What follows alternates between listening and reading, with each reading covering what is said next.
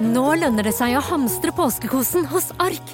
Ark inviterer nemlig til påskefest med skremmende bra nyheter, pocket fra 99 og 40% på alle spill og puslespill. Ark-påske betyr rett og slett mye påske for pengene. Så fyll opp med påskens favoritter i nærmeste Ark-butikk eller på ark.no. Er Compadio, Res Español. Hallo, hallo, folkens. Dette er Alex Rosén på Alex Rosén Show. Og vi skal gratulere Pedro, vår eminente programleder, med at han har giftet seg. Han har nemlig skiftet etternavn. Gratulerer, Pedro. Hei, hei. Eh, Ditt nye navn er nå Pedro Gianfranto Loca de la Hornado dos Hustados. Ja, det Hvorfor for gjøre det enklere for våre Ja, du har eventuelt fått- utenlandske Du har faktisk fått et helt nytt etternavn. Ja, det er jo Jeg har det. Du har giftet deg. Gratulerer på vegne av Radio Rocks lyttere, og Ja. ikke minst vår eminente podkast. Ja. Gratulerer, Pedro Hornado. Du heter Horn! Jeg Pedro setter pris på denne ukentlige eh, gratulasjonen. Pedro og- har horn i panna! Ja, apropos, ja, det skal jeg love deg. Apropos det, forresten. Sånne utvekster på kroppen.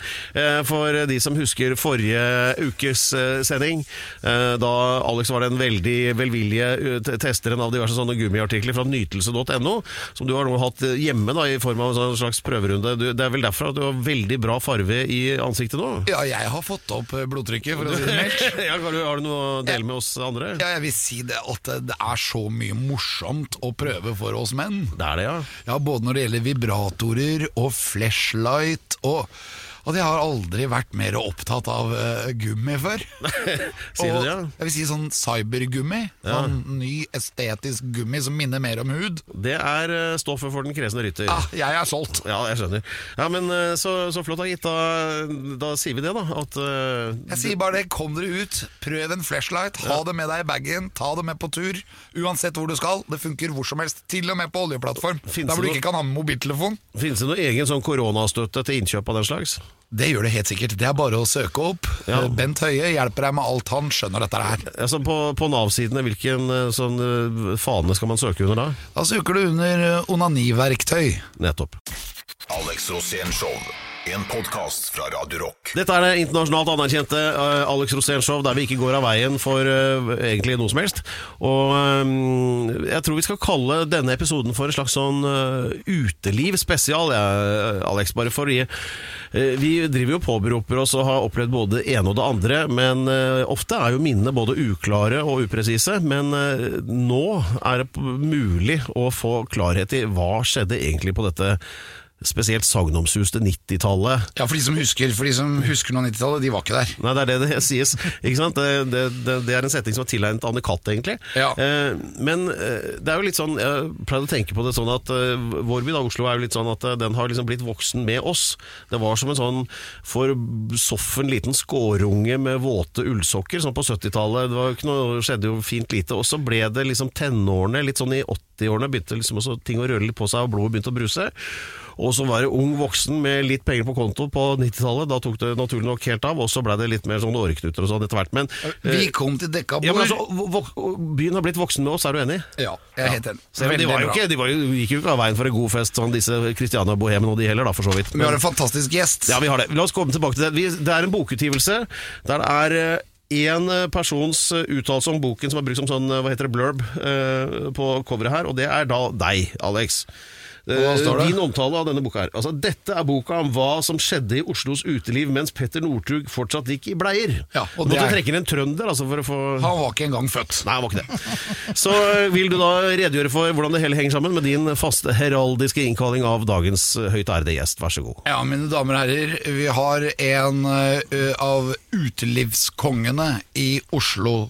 Eh, og dette gjelder 80-tallet og 90-tallet, og til og med litt grann 70-tallet og 2000-tallet. Altså alt som har skjedd på Oslo før Petter Northug ble født. Hva har Petter Northug noe som helst Jo, det er bare for å putte inn eh, konseptet tid Og langrenn. dette her, for vi begynner å bli voksne, og da har det skjedd mye. Dette er mannen bak Funpub på Karl Johan. Ja. Baronen og baronessen. Stravinskij, det mest legendariske stedet på 80-tallet, hvor jeg blei født.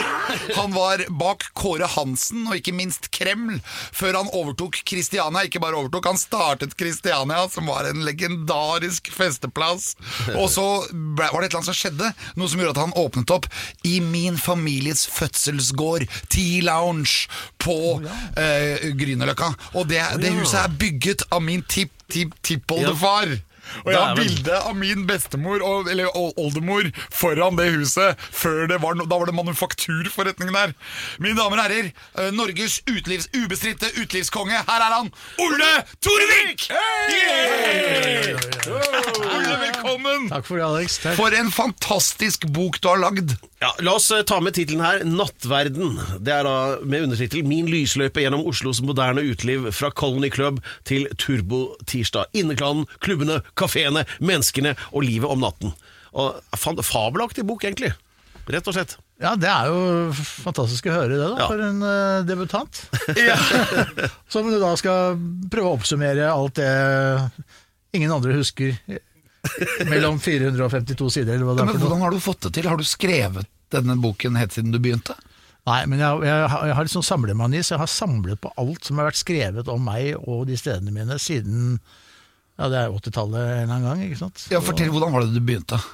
Begynte eh, egentlig i eh, utelivsbransjen som eh, Jeg tror ikke jeg har vært med en 13-14 år. Jeg ikke skiftet lyspære på hoteller som stemoren min drev. Hun hadde en sånn direktørstilling for Olav Thon. Og så eh, begynte vi jo i Skrubben på Og jeg oppvasken. Frogner hotell. Ja, Skrubben det er en, en sånn eh, ganske grusom jobb hvor du må stå og gnukke ut av de der, alle, alle de store trauene og kasserollene som ikke går inn i oppvaskmaskinen. Og de må du da stå og gnukke ut av. Og det gjorde jeg et par år, og det, det, det var min ordentlige ordentlig debut i, i restaurantbransjen. Ja, Da har du begynt på gulvet. Det er virkelig på gulvet. Altså. Det, det, det, det, det er ikke noe jeg skal gjøre igjen. Nei.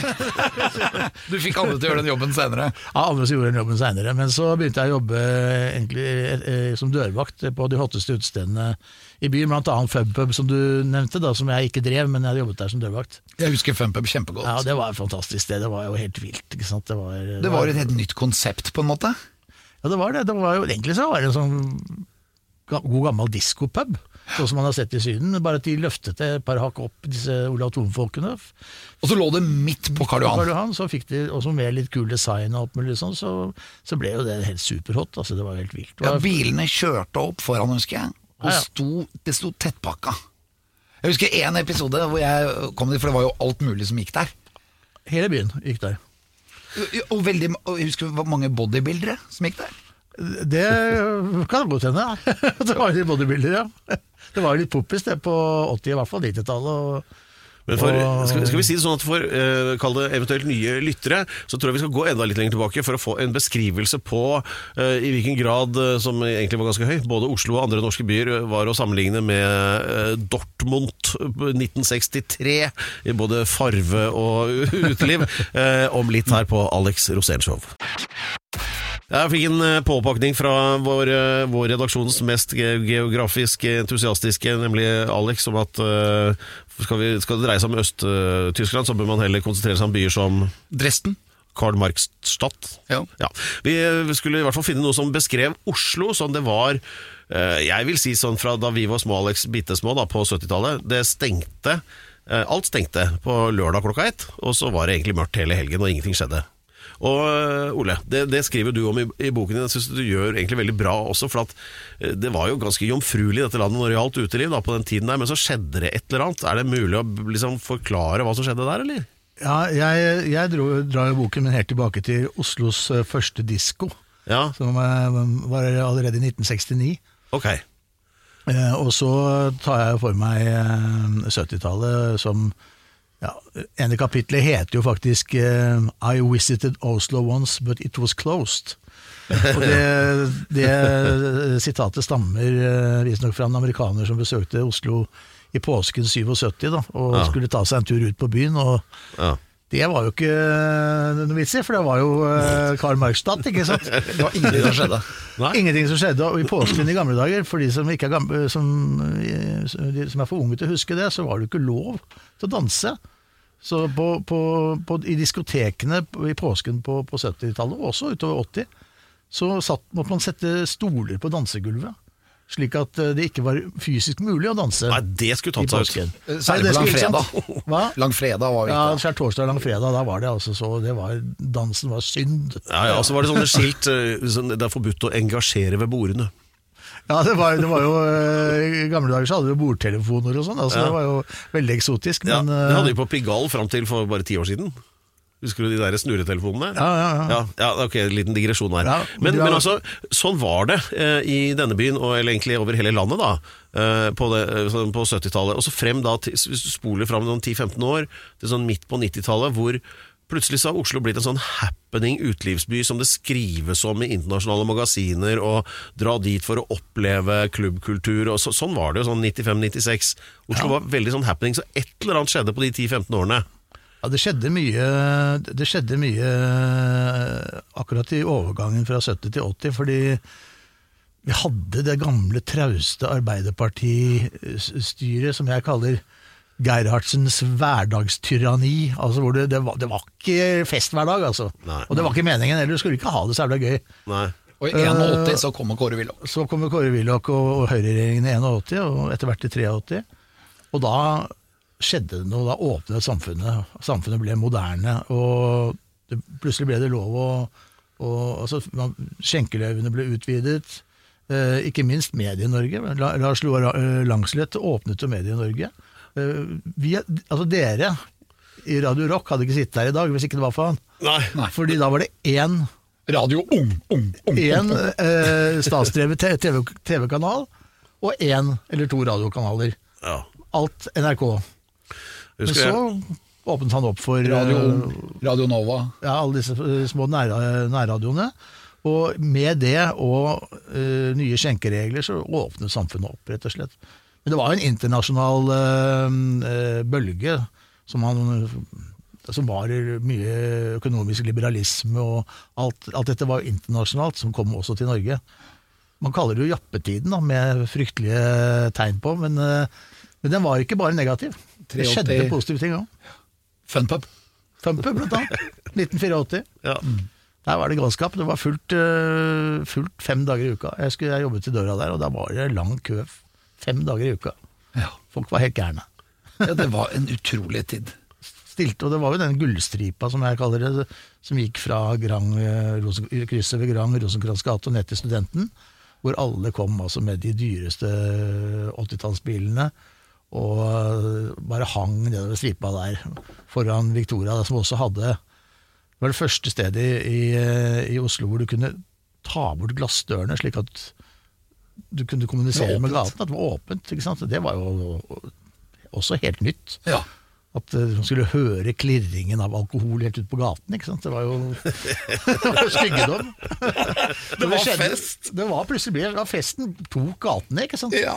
Så det var jo jævlig gøy. Og så fant du ut at du skulle åpne ditt eget sted. Ja. Jeg hadde bodd i Paris en periode og hadde noen gode ideer derfra. Og øh, så jo hvor, øh, hvor jomfruelig og, og nybrottslig Norge var, så, eller Oslo, da, som jeg kom fra. Og hadde hele tiden det som idé at jeg skulle starte for meg sjøl. Og det, da hjalp det egentlig å ha jobbet i, på de hotteste stedene, for da kjente jeg miljøet. Og så klarte vi å finne et lokale som den, gangen var nederst i Rosenkrantz gate, som ingen ville ha. For da var det ingen steder på den tiden. Og, så da fikk vi det lokalet til en grei deal, og klarte å stable opp en finansiering med en ekstra investor og litt forskjellig sånt. Og lager i mine øyne det mest legendariske stedet i Oslo på den tida. Ja, der folk snakker om Stravinskij-tiden enda med, med Og da får du litt stjerner i øynene. Ja, jeg gjør det sjøl. Oppe i annen etasje der. Hvor mange ganger har jeg ikke blitt kasta fra annen etasje og ned på dansegulvet? Via den hvite fontenen. eller? eller, eller rett og slett oppi den hvite fontenen. Ja! Jeg husker, Og den musikken dere spilte, det var jo ikke house, det var jo ikke disko, det var jo rock. Ja, ja, ikke sant? Vi hadde, nei, det var, det var veldig enkelt. Vi hadde en platesamling på flere hundre vinylplater hjemme. Som både jeg og kompanjongen Hokken, vi var musikkfrelste. og det eneste vi gjorde, var å ta med platesamlingen ned og, og spille den musikken vi spilte hjemme i stua. ikke sant? Og det funka jo som faen. Det var jo dødsgøy på den tiden, med masse rock og kul Iggy, musikk. jeg husker Iggy. Når de spilte Iggy fra gammel, gammel Iggy fra Stooges. Passenger. Ja! Den gikk ganske ofte. Ja, ja. Og så hadde vi også storskjerm med video, så vi, vi spilte jo faktisk altså Releasen til, uh, til a-has uh, Take On Me, den videoen, den var på, på Stravinskij. Men vi kviet oss for å spille den låta, da, for den var altfor poppete for oss. Ikke ja. Så, vi, så både Håkon og jeg sa at nei, vi, vi får spille noen ganger for å være greie, da. Men jeg hørte ikke noe hit. Og så var jeg i New York noen måneder senere og satt meg i en taxi, og så bare hører jeg Take On Me strømmer ut av radioen. Da lå de på toppen av Billboard-lista, så da måtte jeg jo bare Ja, ja. Men klientellet ditt, når du drev da Stravinskij, hvordan bestemte du deg for hvordan det skulle være? Nei, vi, hadde, vi hadde veldig stor kontaktflate i Oslos utelivsmiljøer. Og det var eh, et resultat av å ha jobbet såpass eh, lenge ute. Så vi hadde en kjempestor eh, kontaktflate i miljøet. Og Så de kom jo, og det er jo ofte bjellesauene, og, og da var det så var så, altså Folk var så klare for å ha det gøy, for det hadde vært stengt og lukket så lenge at da kom jo Først kom bjellesauene, så kom hele finanseliten og alle disse her som ville gjerne gå på de stedene hvor det skulle være gøy. ikke sant? Og så kom eh, Jeg er fra vestkanten, så da kom alle vestkantfolkene. Eh, Også fordi at de vestkant, typiske vestkantstedene som Noble Dancer sånn, de stengte i tur etter tur og orden. Var på vestkanten så døde det ut, så det var liksom sentrum som gjaldt på den tiden. Det hadde litt med skjenketider å gjøre òg. Ja, med skjenketider å gjøre. fordi Sånn som Noble Dancer, som var et veldig populært sted på 70- og 80-tallet, de eh, fikk plutselig innskrenket da skjenketid til halv tolv for en nattklubb. Ja. Og selv om, eh, selv om eh, folk stilte seg i kø for å gå på nattklubb klokka seks-sju om kvelden på den tiden, så går jo ikke det halv tolv for en nattklubb, liksom. Men apropos regler og sånn, da, og og Stravinskij, var det ikke sånn der en stund også at uh, man måtte kjøpe noe å spise òg for å bestille en drink eller vin? Altså, Jo, det, er jo, det der er jo et godt eksempel på hvordan det var, da. ikke sant? Arven fra 70-tallet, ja.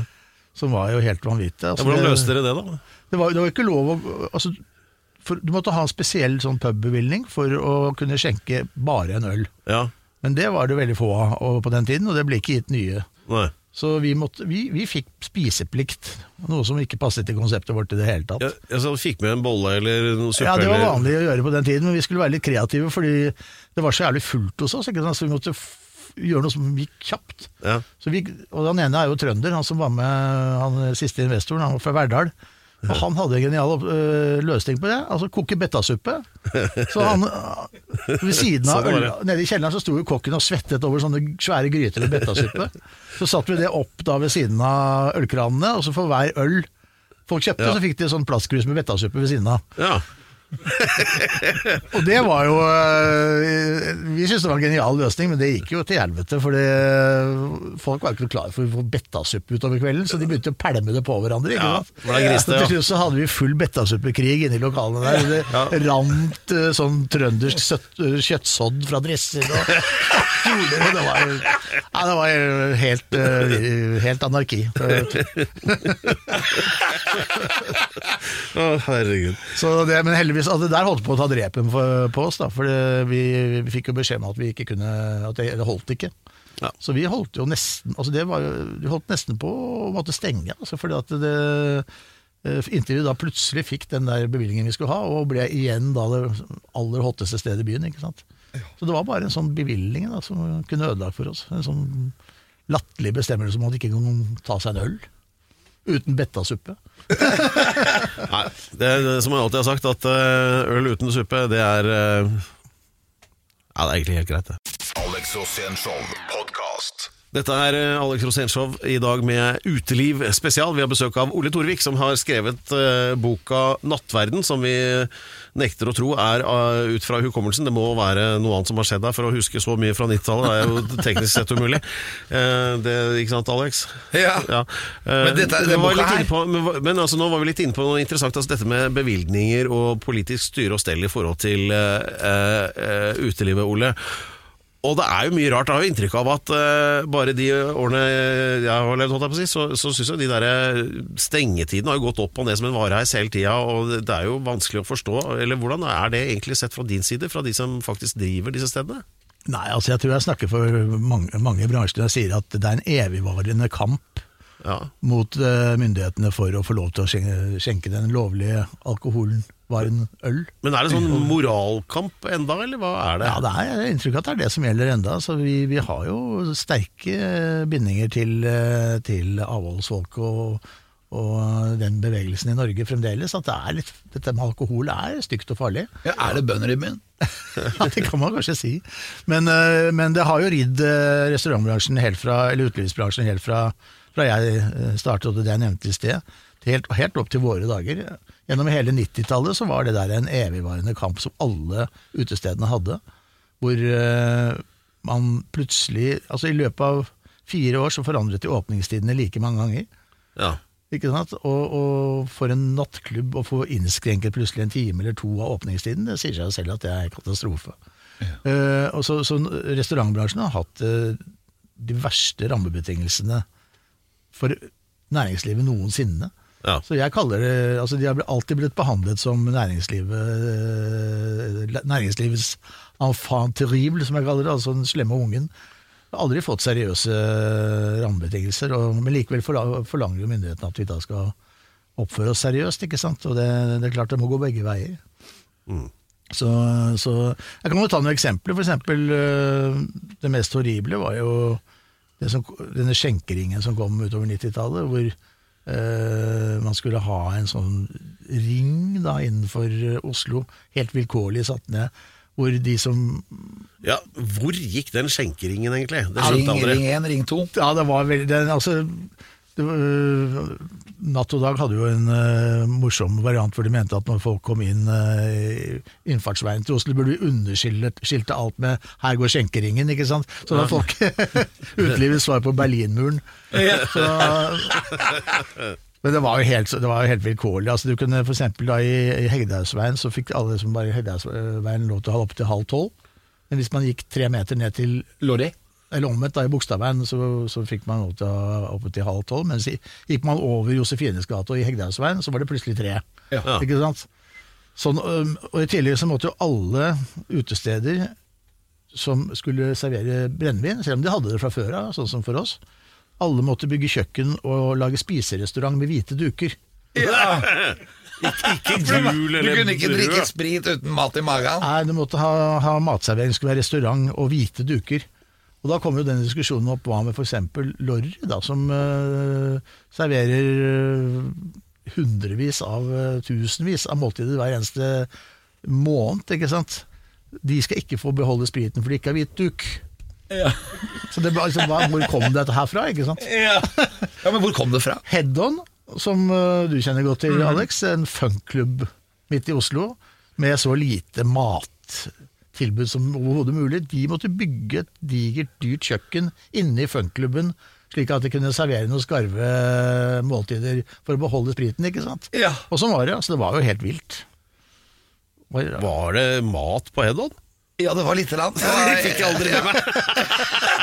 ja, men det var jo det. De de det var regelen. de De, hadde ikke noe valg. Nei. Oh, ja. Nei, vi, vi, vi hadde en uh, kafé men det var hvite duker, og, men det var en litt for stor bardisk. Så vi måtte sage av bardisken for at ikke baren skulle bli for dominerende i rommet i forhold til restauranten. Oh, ja. Og da fikk vi beholde spriten. Ja. Så vi måtte sage av fem meter av bardisken. Da var det greit. Men du har jo Det er utrolige historier fra dette landet. Det er jo, jeg husker jeg fikk høre igjen på eh, Hotell Viking oppe i Ørsta. Jeg studerte der oppe i noen år, i, i, i Volda der. Og Ørsta er nabobygda. Da var det sånn inntil sånn eh, ja, Gjennom hele 70-tallet eh, Der var det altså en regel i eh, kommunen. Det var jo ett sted som serverte brennevin, og det var det hotellet. Hotell Viking, for det var internasjonale gjester som kom dit, og møbelindustrien og dette. Og de måtte få lov til å få konjakk og sånn da, til, til, til maten. Ellers var det jo helt bannlyst, for det var jo KrF-bygd. Men det var bare de tilreisende gjestene som fikk servering. De som bodde i kommunen skulle ikke få kjøpe alkohol. Nei. Ikke sant? Og dermed så hadde de satt opp et, et sånn, du vet, sånn taugjerde som man har utenfor på fortauet, øh, midt i restauranten, hvor det var fastboende. Altså hvis du har da postkode Ørsta, så måtte du på den siden, der var det ikke noe servering. Mens øh, innenfor, der var det tilreisende, de kunne få servering. Så, altså, det, det var løsningen, da. Var det en form for segregering? Ja, det er jo absolutt. Sånn var det i Oslo også, at uh, hotellbarene fikk lov å beholde eh, ren brennevinsbevilling, hvor du kunne gå inn og ta deg en drink. da. Ja. Ja, på bare kun hotellbarene. Og da ble det store spørsmålet Kunne Ola Nordmann gå inn og ta seg en drink der? Måtte vi vise pass. Liksom. Ja. Så det, det, altså, ja, nei, det hang jo ikke på greip, ikke sant. Nei. Men er det fremdeles noen sånne etterlevninger av sånne pussige altså lovgivninger og Det henger vel sånne ennå. som man sliter med i den bransjen enda, eller? Det er vel mye verre i dag pga. korona. Ja, nå i dag er det Ja, men det er jo unntakstilstand, jo En, en, en, en sak for seg selv. Men eh, nei, du, jeg, jeg, var, jeg var veldig engasjert, i uh, alt som var skjenkepolitisk på, på 90-tallet, og litt utover 2000 skrev mye aviser og var med i denne organisasjonen vi hadde på 90-tallet. Eh, men eh, så har jeg kasta kortene, da har jeg på en måte sagt farvel. Og også til den problematikken der. Men jeg ser jo stadig vekk at det er diskusjoner enda om eh, skjenketider og om eh, ja, forskjellige ting. Så det, det er vel en evigvarende diskusjon det der, tror jeg. Ja, Vi, vi klarer ikke å slippe det helt. Vet du. Det er det der eh, Skal vi få lov å drikke, eller skal vi ikke? KrF har et lite balletak på Ja, de har, det er både avhold, men det er ikke bare KrF, for Arbeiderpartiet og SV også stemte alltid for innskrenkelser i åpningstidene. Og det har noe med Jeg tror avholdsfolket Altså avholdsbevegelsen har alltid stått sterkt i Norge, det er det ikke noe tvil om. Men det er også dette med arbeiderbevegelsen. De har også vært veldig redd for å slippe løs dette alkoholmonsteret. Fordi eh, Jeg lurer på om det bare er så enkelt at eh, arbeiderne måtte komme seg på jobb om morgenen. Altså, det er en sånn gammel inngrodd Ja. jeg, jeg vet ikke. Ja. Men det har alltid vært KrF med venstresiden som har vært imot. Men vi som var på byen på 90-tallet, vi var jo ikke så veldig mye arbeidere, akkurat. Jeg følte meg i hvert fall aldri som det. Jeg følte meg som en som gikk på funpub og var den kuleste hele byen. Hver gang. Og Hadde så mye morsomme og nye venner hele tida. Det kokte jo. Kokte. Spesielt altså 80-tallet var jo Både 80-tallet og 90-tallet. Jeg kaller jo 80-tallet i boken, så har jeg eh, det tiåret kaller jeg jo for Ja, det fine med å høre på podkast, det er jo at du kan gjøre noe nyttig samtidig. Kan f.eks. endelig fikse den eh, skapdøra på badet. Sånn. Alt du trenger til enkelt vedlikehold hjemme, finner du på det, det ti, altså dansen på en eh, sky av rosa champagne. Det er vel egentlig sånn det kan beskrives. Så det var vel egentlig det det var. Det høres ut som vi har vært der begge to, egentlig. Jeg tror det, Alex. Jeg ikke bare tror, jeg kan skrive det på det. Heng med litt videre, så skal vi se om det er noe hold i dette. At de faktisk, eh, de tilstedeværende, husker noe som helst av 80-tallet den gangen. altså. Utrolig hyggelig og nostalgisk eh, stemning her i Alex Rosén Show i dag. Vi har besøk av uh, utelivsgründer eh, Ole Torvik. Som Og konge. Konge. konge. Konge. Vi bruker konge. Konge er bedre. Keiser er enda bedre igjen. baron har du Baron, baron. Ja, husker du Baronen? Ja. Ja, men Men, men Ole har altså skrevet boken 'Nattverden', som jeg anbefaler alle å lese. Den er utrolig underholdende. Eh, på Skamløst forlag. Er det, Er det eget forlag? forlag? Ikke eget. Det er eh, drevet av eh, en annen utelivsperson. som- Andre skamløse. Ja, andre skamløse. Ja, men det, høres, det høres ut som det kan være ditt. Ja, men det er ikke det. Men uansett, vi, var, eh, vi har vært innom temaet eh, skjenkebevilgninger og politikk rundt uteliv og sånt, noe som er eh, helt umulig å forstå seg på.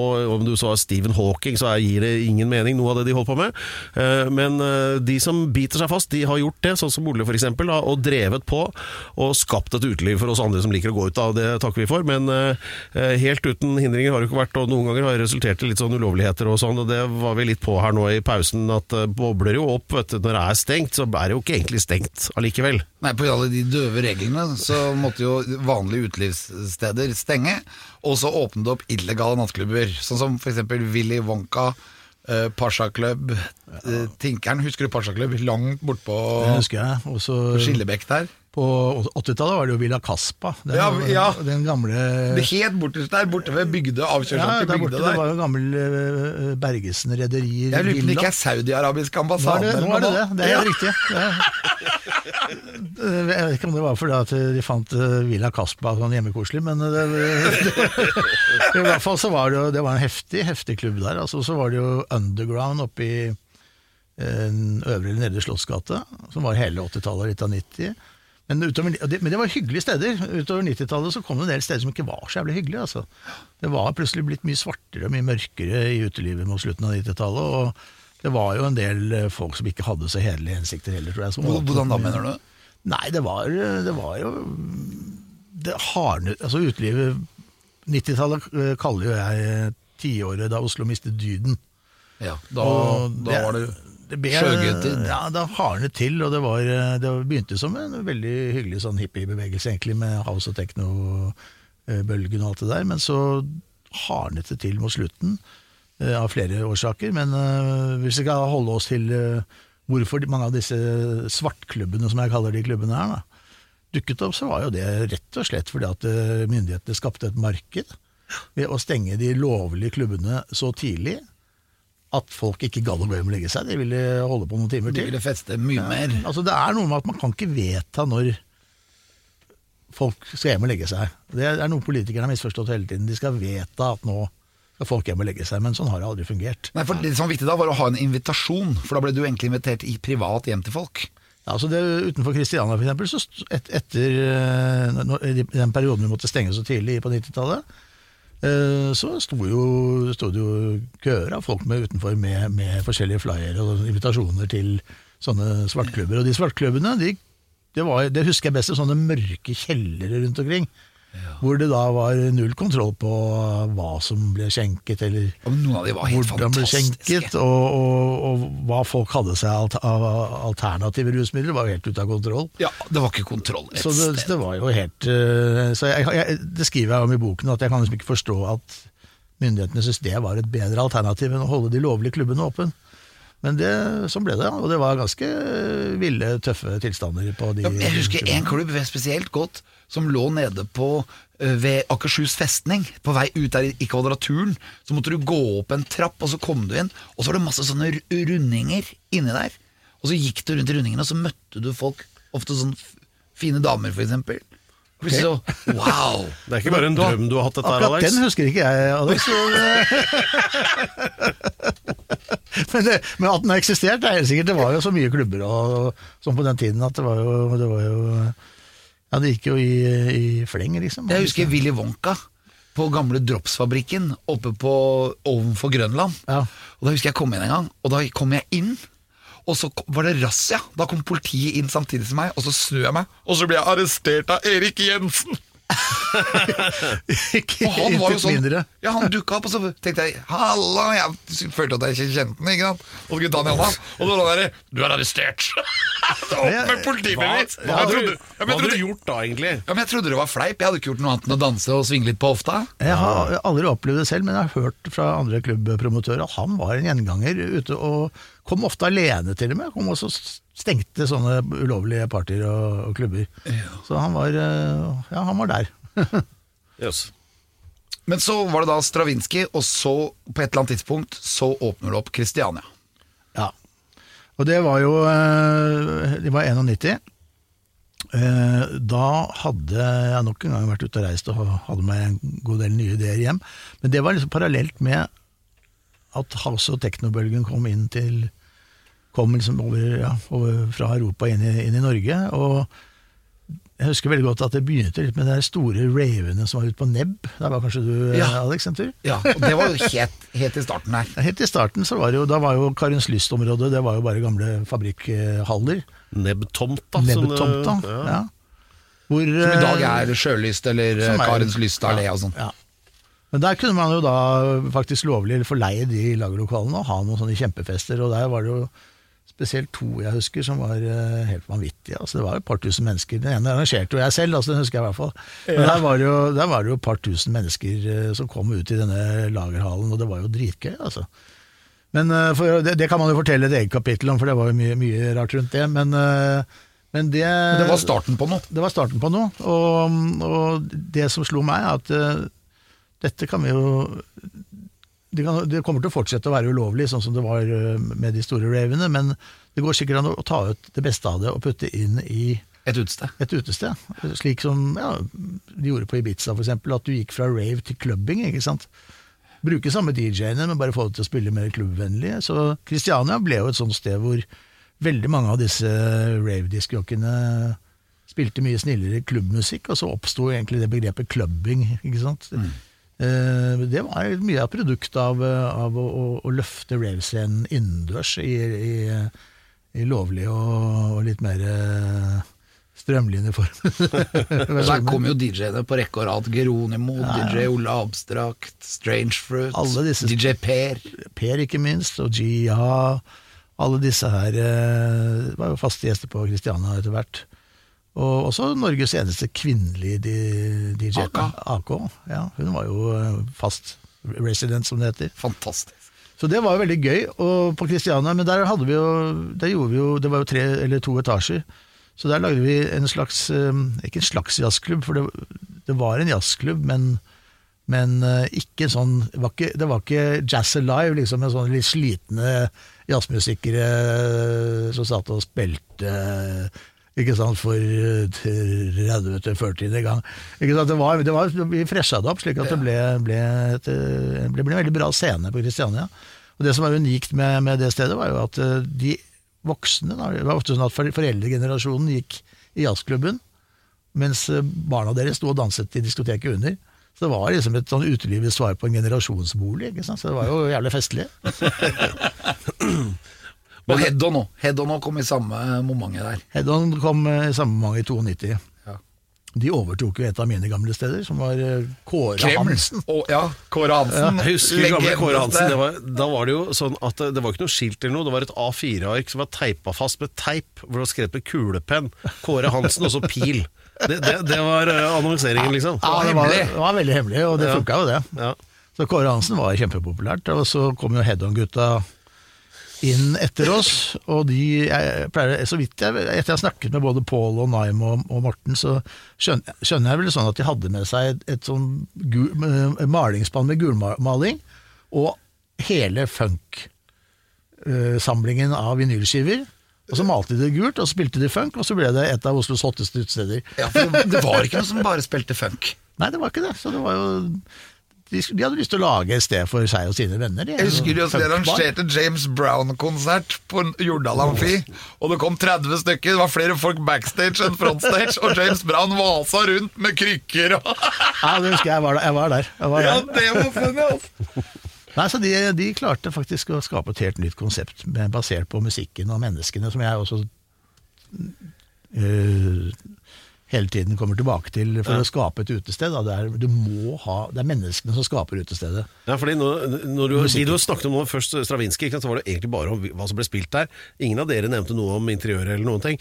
Og så var det Christiania, hvor du da snakker om liksom den nye housebølgen og jazz i eh, den andre etasjen. Og så er det funken som egentlig er head-on. Altså, det er liksom musikken som definerer stedene, og ikke interiørarkitekten. da. Ja, det, det syns jeg i hvert fall. Eh, I hvert fall hvis du har en crowd du, du caterer til.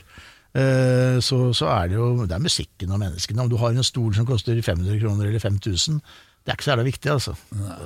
Du må klare å få den riktige miksen av mennesker. Og eh, rett og slett eh, Derfor er dørpolitikken så viktig.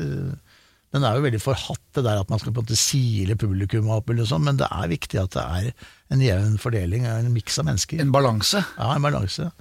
Det er som ehm, det er så, I alle disse diskusjonene om, ehm, om eh, altså Head-On hadde jo den kanskje strengeste dø, dørpolitikken i byen. Ja, du kom ikke inn der og se det, vet du. Men de hadde, de skulle, hadde en helt sånn kalkulert, segmentert formel. Da. Så det var, altså, var det 10 av den ene uh, type mennesker, så skulle det være 20 av den andre. Og hvis det var 20 av den andre, skulle det være 30 av den tredje, og tilbake til 10-40. De hadde sånn, en hel formel hvordan det der skulle gå opp, da, slik at det ble spennende. Så vi snakket jo om vært flere sånne diskusjoner og da om, om øh, øh, rasisme og forskjellige sånne ting. Hvor, altså, er det 80 mørkehudede et sted, så er det mange som kanskje velger å gå et annet sted. Men er det 80 blondiner et sted, så er det også jævla mange som velger å gå et annet sted. For eksempel 80% blondiner på head-on. Det hadde vært så feil at altså, Det hadde vært helt vanvittig. ikke sant? Så, eller 80 fi- finansfolk, sånn som jeg nevner på Lipp. øh, Ikke sant? Da, da, Lipp, det er et annet sted. Da er vi nedover mot Saga kino. Ja. Og det, da- det var vel mer sånn finans... Ja, det var finans. Er det 80% finansfolk, da går alle de gutta som er litt funky og, og litt rocka, de går et annet sted da. Så det er viktig at du har den miksen. Det er det jeg prøvde å si. Alex Rosén Show.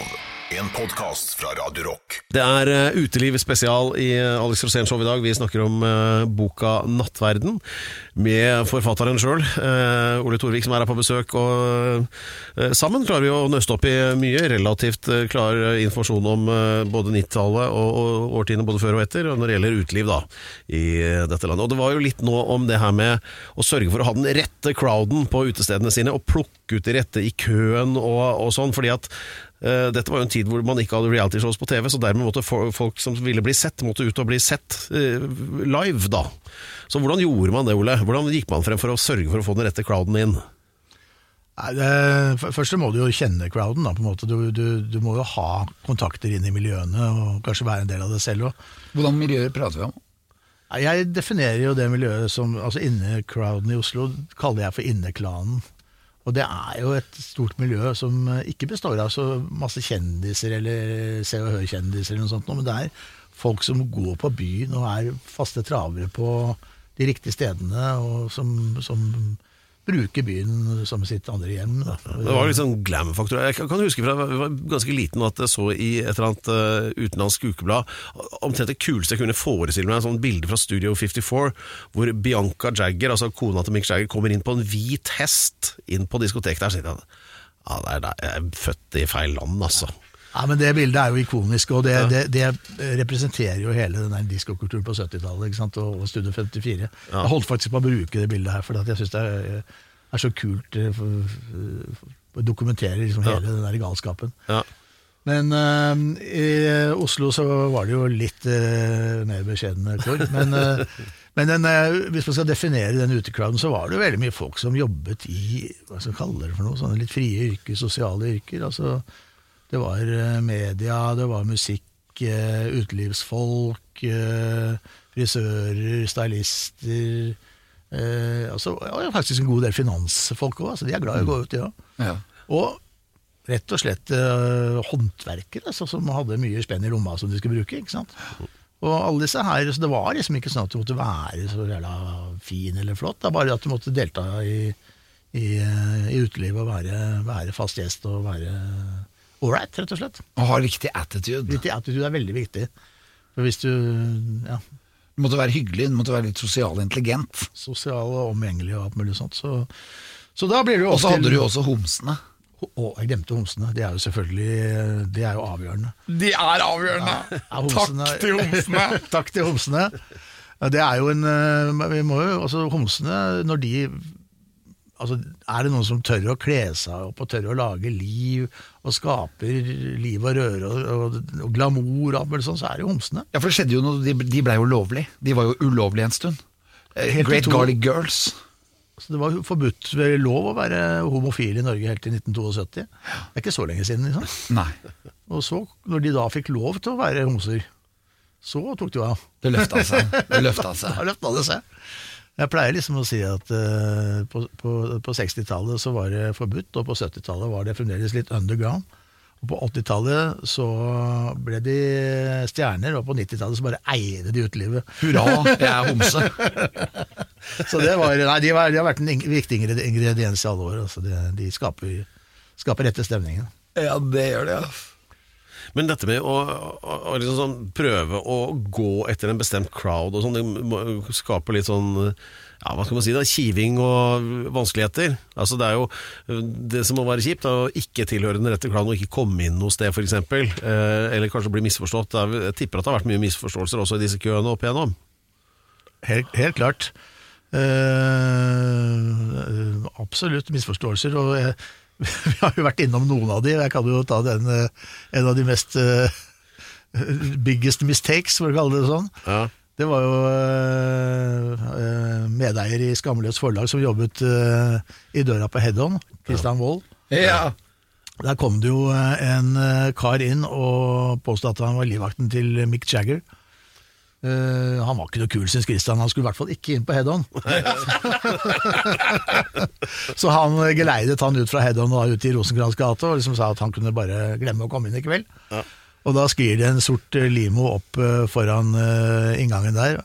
Og ned går vinduet, og ut der så er det Mick Jagger som gir fingeren til Christian. Nei, fuck you! så det er, det var, sånn er det når man tar virkelig feil, ikke sant? Ja, men Så deilig å ha det på CV-en. da, Har fått fingeren av Mick Jagger. ja, det er jo som kokken på Heddon, det. Alex Bruvold, da han eh, fikk Lenny Kravitz på døra på Last Train. Og han visste bare om Elvis, så han nekta Lenny Kravitz å komme inn! Ja, det er jævlig bra. Eller, eller når han der eh, tekno, han, som- han harry teknoartisten Scooter Ja. på 90-tallet, han kom også på Head-On med samme dørvakt. Og da sier Christian nei, kom ikke inn. Ja, vet du ikke hvem jeg er, sier han. Jo, det er akkurat det jeg gjør. It's nice to be important, but it's more important to be nice. Å, tulling, ass. Det er det kremfarvede Alex Rosén-show eh, igjen, du. Og det er Uteliv spesial i dag. Boka 'Nattverden' har nettopp kommet ut. Ole Torvik står bak den. Det er altså 450 sider med formodentlig korrekt informasjon om hva som egentlig skjedde i utelivet i Oslo primært da, i en tre-fire tiår. Eh, det, dette er jo info vi har etterlyst eh, lenge, Alex. Ja, dette er et fantastisk viktig dokument. Ole Torvik, forfatteren. Eh, Kristiania, Stravinskij, Funpub. Men Kristiania, 50-1997 eller noe, så skjer det noe. Hva er det som skjer? Jo, eh, det er jo det jeg skriver i det kapitlet som jeg kaller 90-tallet, da, da Oslo mistet dyden. Og den sprakk jo, rett og slett, eh, på, på slutten av, av 90-tallet. Og det var ikke bare bare. Nei, det ble Jeg har et kapittel som heter Gangsta Paradise. Og det, det, sånn opplevde jeg at Oslo utviklet seg eh, helt mot slutten av 90-tallet, og også over i 2000. At det ble en sort epoke i Oslos uteliv. Knall, knallhardt miljø i sentrum. Som besto av eh, gangstere og kriminelle gjenger og alle de tingene som ikke er noe hyggelig i, i utelivet. Hvordan merka du det? Ja, jeg merket det veldig, fordi at øh, øh, Det er også et skjenkepropolitisk perspektiv, fordi plutselig fikk, pga. den skjenkeringen, så fikk bydelene lov å ha åpent like lenge som sentrum. Og det vil si at de som da vanket i bydelen, de gadd jo ikke dra ned til sentrum. For de kunne like, være like, like lenge på, på et sted nær hjemmet. Og når det da ble tøffere og tøffere i sentrum, så gadd de i hvert fall ikke å dra ned. Så da ble liksom sentrum en, et åsted for, for eh, ja, gangstere og, og, og gjenger og, folk som eh, ikke er noe hyggelig å ha på besøk, rett og slett. Blei du trua, eller? Ja, jeg ble trua flere ganger fordi at ikke ville slippe inn disse folkene på, på Kristiania. Så jeg fikk, eh, fikk drapstrusler, faktisk. Ja. Ble du nervøs da? Ja, nå er, nå er jeg er jo en sindig person, men det er klart at eh, med, med drapstrusler fra, fra de verste miljøene, så tenker man seg på to ganger. Man må jo ta visse forholdsregler, da. Jeg husker når du var dørvakt, så uh, du, du var veldig hyggelig hele tiden. Ja. Helt frem til det smalt. Har du opplevd det, eller at det smalt, Alex? Jeg husker uh, noen ganger det var, Du hadde veldig kontroll òg, men når det smalt, da ble det helt svart. Ja, ok. Men ja, Du husker kanskje ikke det? Du, du blacker vel ikke helt ut når du blir forbanna? Nei, det er jo ikke det, så jeg husker jo det meste, jeg. Eh, Men eh, det var jo flere sånne episoder hvor man, man må trå til fysisk. Det er jo en del av, Ja. av å jobbe i døra eller jobbe ute, det. At det, det kommer alltid et behov for å legge folk i bakken. eh, Ja. Rett og slett. Altså, fulle nordmenn, eller hva det måtte være, de, de har jo en tendens til å bryske seg litt når de kommer i rette støtet. ja. Så, men forskjellen var jo på 80-tallet, det verste som kunne skje da når du jobbet, jobbet i døra eller kom ut for eh, en sånn voldsepisode, var jo at du brakk nesa. Det var det verste som kunne skje, men på 90-tallet så kunne du risikere å bli skutt. da. Og det er jo en, eh, en vesentlig forskjell. Og veldig betegnende, så når dørvaktene begynte å jobbe på Kristiania i eh, 91, så sto alle i sort dress uten noen beskyttelser av noe slag. Eh, når jeg solgte Kristiania helt til slutten av 97, da sto alle dørvaktene i skuddsikker vest. Det var det som hadde skjedd på de seks-sju åra. Og det er ganske skremmende. Det var rett og slett fare for å bli drept, og folk ble drept. ja, jeg husker det. Ja. Så det var flere, flere skyteepisoder som noen eh, var ble folk eh, alvorlig skadet, andre så ble de faktisk drept. altså. Eh, og da flytter du. Da flytter du ut av sentrum. Ja, da, da, da så jeg etter nødutgangen. Da var jeg drittlei og, og ville bare egentlig ut av, av eh, Oslo sentrum og ut av Kristiania og alt. Så, så da eh, fant jeg den og solgte til Linda Johansen. Så, og hun startet da galleriet. Og da var jeg eh, Da måtte jeg bare ta med meg eh, samboeren min og, og reise til Bali og finne en sånn strandhytte og bo der eh, et halvt år, for da var jeg så sliten og lei av, av alt. Og bestemte meg for at jeg aldri skulle tilbake til Oslo sentrum igjen. Det var et sånt løfte jeg ga meg selv. Ja. Og det, det gjorde jeg heller aldri heller. Så når jeg kom tilbake, så startet vi opp T-Lounge på Grünerløkka. Og det var fint. Rolig og fint i forstedene. Eller ikke forstedene, men i bydelene. Og Forstedene, det er forstedene- midt på Grünerløkka som forsted, det var den, den, Da er jeg sentrumsorientert, da. Ja, det, Men, så da startet vi på, på, på, på, på Løkka, og det var jo Løkka in spe fremdeles da, i 2000. Så da lagde de vel litt samme type konsept som uh, Funpub og Stravinskij, med uh, kafé, tesalong på dagen og heftig musikk på kvelden. Det funka kjempebra. Jeg tror det tidligere svarte i 13 år eller noe sånt. Ja. Uten at vi var med hele tiden. Da. Men, uh, så det var vellykket. Og etter det så ga jeg meg, rett og slett. Da hadde jeg fått nok. Da begynte du å skrive denne fantastiske boken? Da begynte jeg å skrive boka. Og nå, hva skjer nå? Hva skal du gjøre med den boken nå? Nei, nå er det jo Akkurat nå så foregår det jo mest promotering. Det er eh, forskjellige boksigneringer eh, utover. Eh, og ikke minst følge opp bokhandlere og signere bøker der. Og så det er liksom å gå rundt med pennen, da, som er mest eh, eh, det, det, det tiden min går til. Du, du skal ikke holde nattverdenshow, hvor du holder sånn Oslo by-show?